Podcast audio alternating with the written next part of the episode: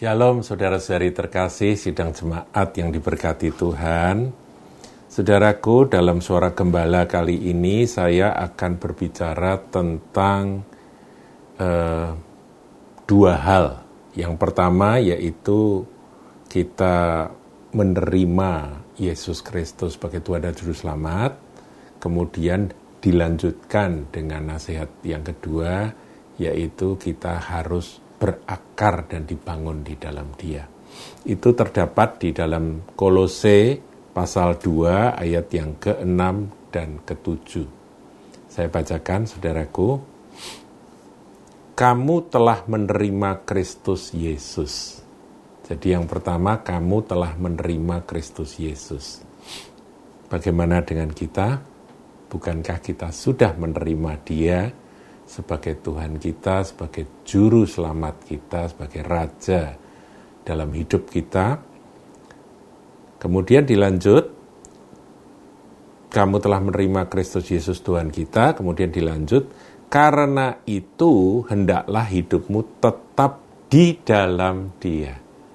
Saudara, ada kata hidup di dalam dia. Jadi menerima Yesus Kristus sebagai Tuhan itu berarti sudah mengalami pengalaman kelahiran baru.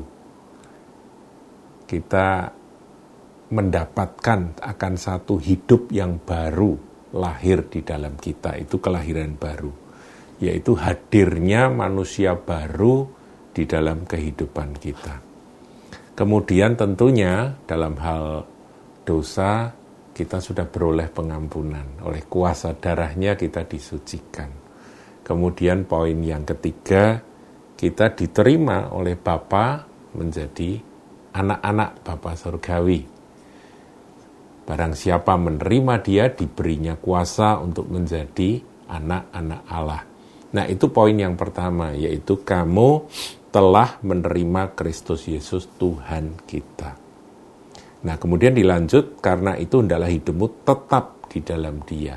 Kata di dalam Dia ini penting, Saudara. Ada di dalam Dia berarti ada di luar Dia, ya kan? Nah, berkali-kali kalau kita membaca kitab suci, kita jumpai kata di dalam Dia. Itu adalah sebuah kata yang sangat dahsyat ya, sangat ber, berkuasa. Tinggal di dalam Dia in Christ Jesus Salah satunya kita lihat ya saudara ya di dalam hmm, 1 Korintus 1 ayat yang ke-30. Tetapi oleh dia kamu berada dalam Kristus Yesus. Jadi kita ini masuk dalam Kristus Yesus, tinggal dalam Kristus Yesus. Yang oleh Allah telah menjadi hikmat bagi kita. Ia membenarkan dan menguduskan dan menebus kita. Jadi pembenaran, kemudian pengudusan dan penebusan itu ada di dalam Kristus. Di luar Kristus nggak ada. Nggak ada pembenaran, nggak ada pengampunan, nggak ada penebusan, nggak ada pengudusan, saudara. Jadi semua harus dilakukan in Christ Jesus. Saya ingat akan ayat di dalam Yohanes 15 ayat 4 sampai 5. Yohanes 14 Maaf Yohanes 15 Saudaraku. Ayatnya yang keempat dan kelima. Tinggallah di dalam aku dan aku di dalam kamu. Jadi kita tinggal di dalam dia dan ini sebuah perintah, panggilan dan dan juga perintah. Tinggallah di dalam aku dan aku di dalam kamu. Sama seperti ranting tidak dapat berbuah dari dirinya sendiri kalau ia tidak tinggal pada pokok anggur, demikian juga kamu tidak berbuah jikalau kamu tidak tinggal di dalam aku. Jadi hidup kita ini bisa berbuah atau tidak itu ditentukan tinggal di dalam dia atau tidak. Kemudian ayat 5, Akulah pokok anggur dan kamulah ranting-rantingnya. Barang siapa tinggal di dalam aku dan aku di dalam dia, ia berbuah banyak. Sebab di luar aku kamu tidak dapat berbuat apa-apa. Menarik ya kalau sampai uh, ayat firman sampai menuliskan di luar aku kamu tidak dapat berbuat apa-apa.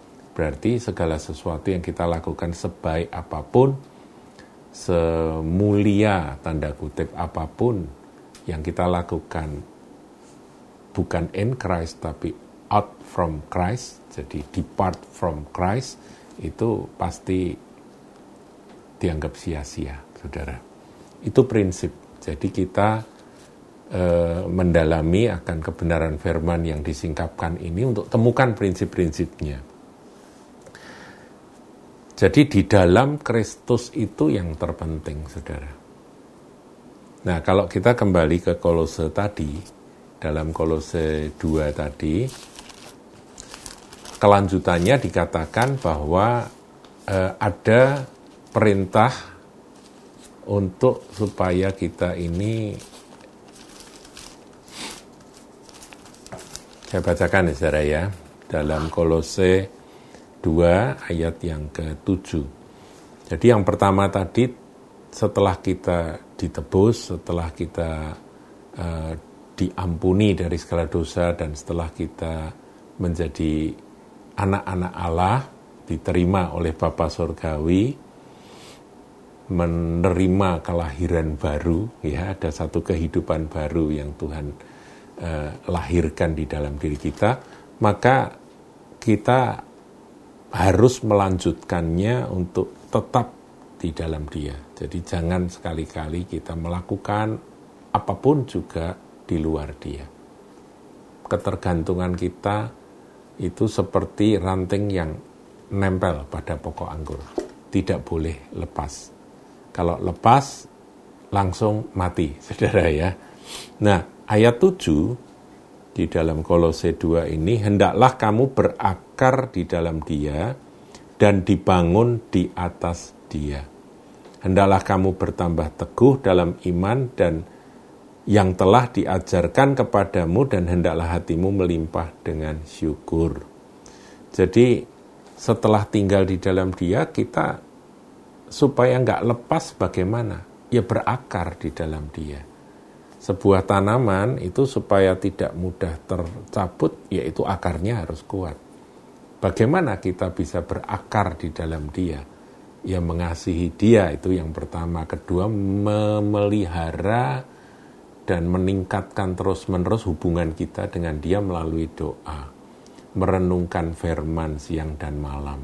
Itu uh, digambarkan oleh Daud ketika orang itu merenungkan akan Taurat Tuhan atau firman Tuhan siang dan malam, dia akan seperti pokok atau pohon yang ditanam di tepi aliran air, yaitu ada di Mazmur yang pertama, saudaraku pohon yang ditanam di tepi aliran air itu pasti akar-akarnya akan mencari air tersebut. Jadi akarnya akan tumbuh dengan subur dan terus merambat dan mencari akan air yang dari sungai tersebut. Sehingga pohon ini kuat. Sehingga tidak kenal musim. Dia tetap hijau daunnya dan pada musimnya Maksudnya musim berbuah. Kalau sudah saatnya berbuah, dia akan berbuah. Tapi pohon ini musim panas lah, ya, musim semi atau apa dia tetap tetap bertahan. Itulah gambaran dari berakar itu, saudara. Bagaimana, saudara? Apakah di tahun 2021 ini kita ambil keputusan untuk Tuhan Yesus, aku mau tinggal di dalammu dan berakar di dalammu. Nah, kalau kita berakar, otomatis akan bertumbuh. Nah, bertumbuhnya ini dikatakan dibangun di atas dia. Dan berbuah-buah bagi kemuliaan Tuhan. Nah, saya akan akhiri dengan kembali ke tadi ya, Yohanes 15 tadi. Yohanes 15 itu kan di, diakhiri dengan kalimat yang bagus sekali dan ini jadi perenungan kita hari ini saudaraku. Jikalau kamu tinggal di dalam aku dan firmanku tinggal di dalam kamu. Ayat 7 ya. Mintalah apa saja yang kamu kehendaki dan kamu akan menerimanya. Dalam hal inilah Bapakku dipermuliakan, yaitu jika kamu berbuah banyak dan dengan demikian kamu adalah murid-muridku. Haleluya. Ini doa kita sepanjang tahun 2021. Saya mau ngajak saudara berdoa. Bapa di sorga, kami sudah dengar firman-Mu kali ini, hari ini, dan biar firman ini boleh hidup di dalam setiap kami anak-anakmu. Kami mengingat dan bersyukur bahwa kami telah mengalami kelahiran baru ketika kami menerima Tuhan Yesus Kristus sebagai Juru Selamat, sebagai Tuhan kami. Dan kami menjadi anak-anak Bapa Surgawi, menjadi warga kerajaan surga kami sudah diampuni dari segala dosa, tetapi firmanmu mengajarkan lebih lanjut bahwa kami harus tetap tinggal di dalam engkau. Untuk itu kami harus berakar di dalammu Tuhan. Kami mau terus bergaul dengan engkau, mengingat engkau dalam segala setiap aspek kehidupan kami, berdoa senantiasa, mencari kebenaran firman dan tinggal di dalamnya, dan kami percaya bahwa hidup kami pasti akan bertumbuh dan dibangun di atasmu dan berbuah lebat bagi kemuliaanmu. Dalam nama Tuhan Yesus. Amin.